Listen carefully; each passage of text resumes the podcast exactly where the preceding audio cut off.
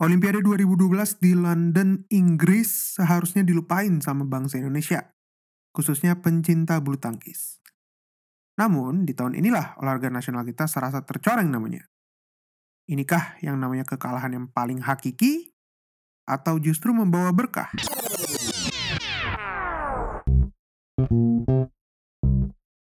Balik lagi sama gue Ibi di podcast Tepak Bulu episode ke-25 Challenge 30 hari bersuara persembahan The Podcasters Indonesia.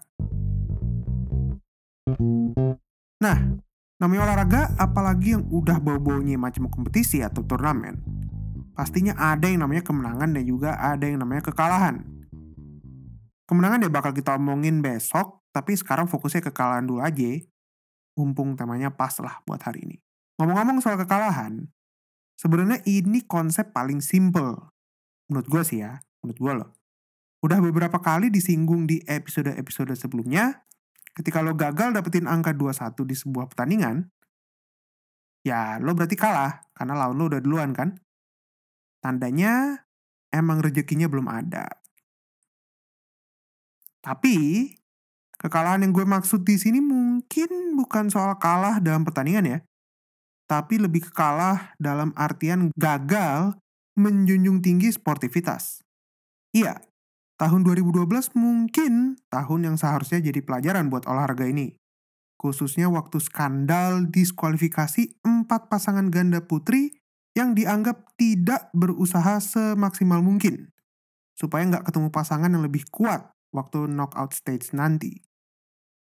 It pains me to say the names, Wang Xiaoli, Yu Yang dari Cina, Ha Jungen, Kim Min Jung, Jung Kyungen, Kim Hana dari Korea, termasuk juga pasangan dari Indonesia, Meliana Jauhari dan juga Gracia Poli, didiskualifikasi karena alasan yang gue sebutin tadi. Sebagai penonton, pastinya lo kecewa banget. Apalagi kalau lo nonton langsung di stadionnya. Udah bayar mahal-mahal, lu pengen tentunya dihibur dong dengan entertainment dari atlet gitu ya. Eh, malah dikasihnya lo effort gitu. Terlepas dari alasan-alasan yang mungkin masuk akal, kalau misalnya kita baca-baca sih kenapa alasannya.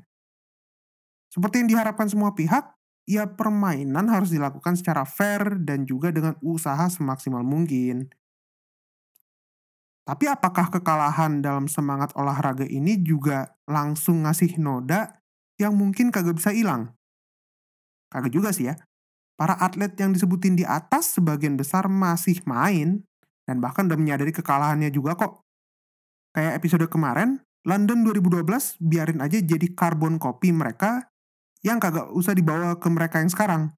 Yang masih bermain dan berusaha buat jadi atlet yang lebih baik lagi. Kekalahan ini juga berbuah berkah kok. Bahkan inovasi. Menurut gue ya, menurut gue loh. Sistemnya hanya dirubah dikit untuk bisa lolos dari group stage.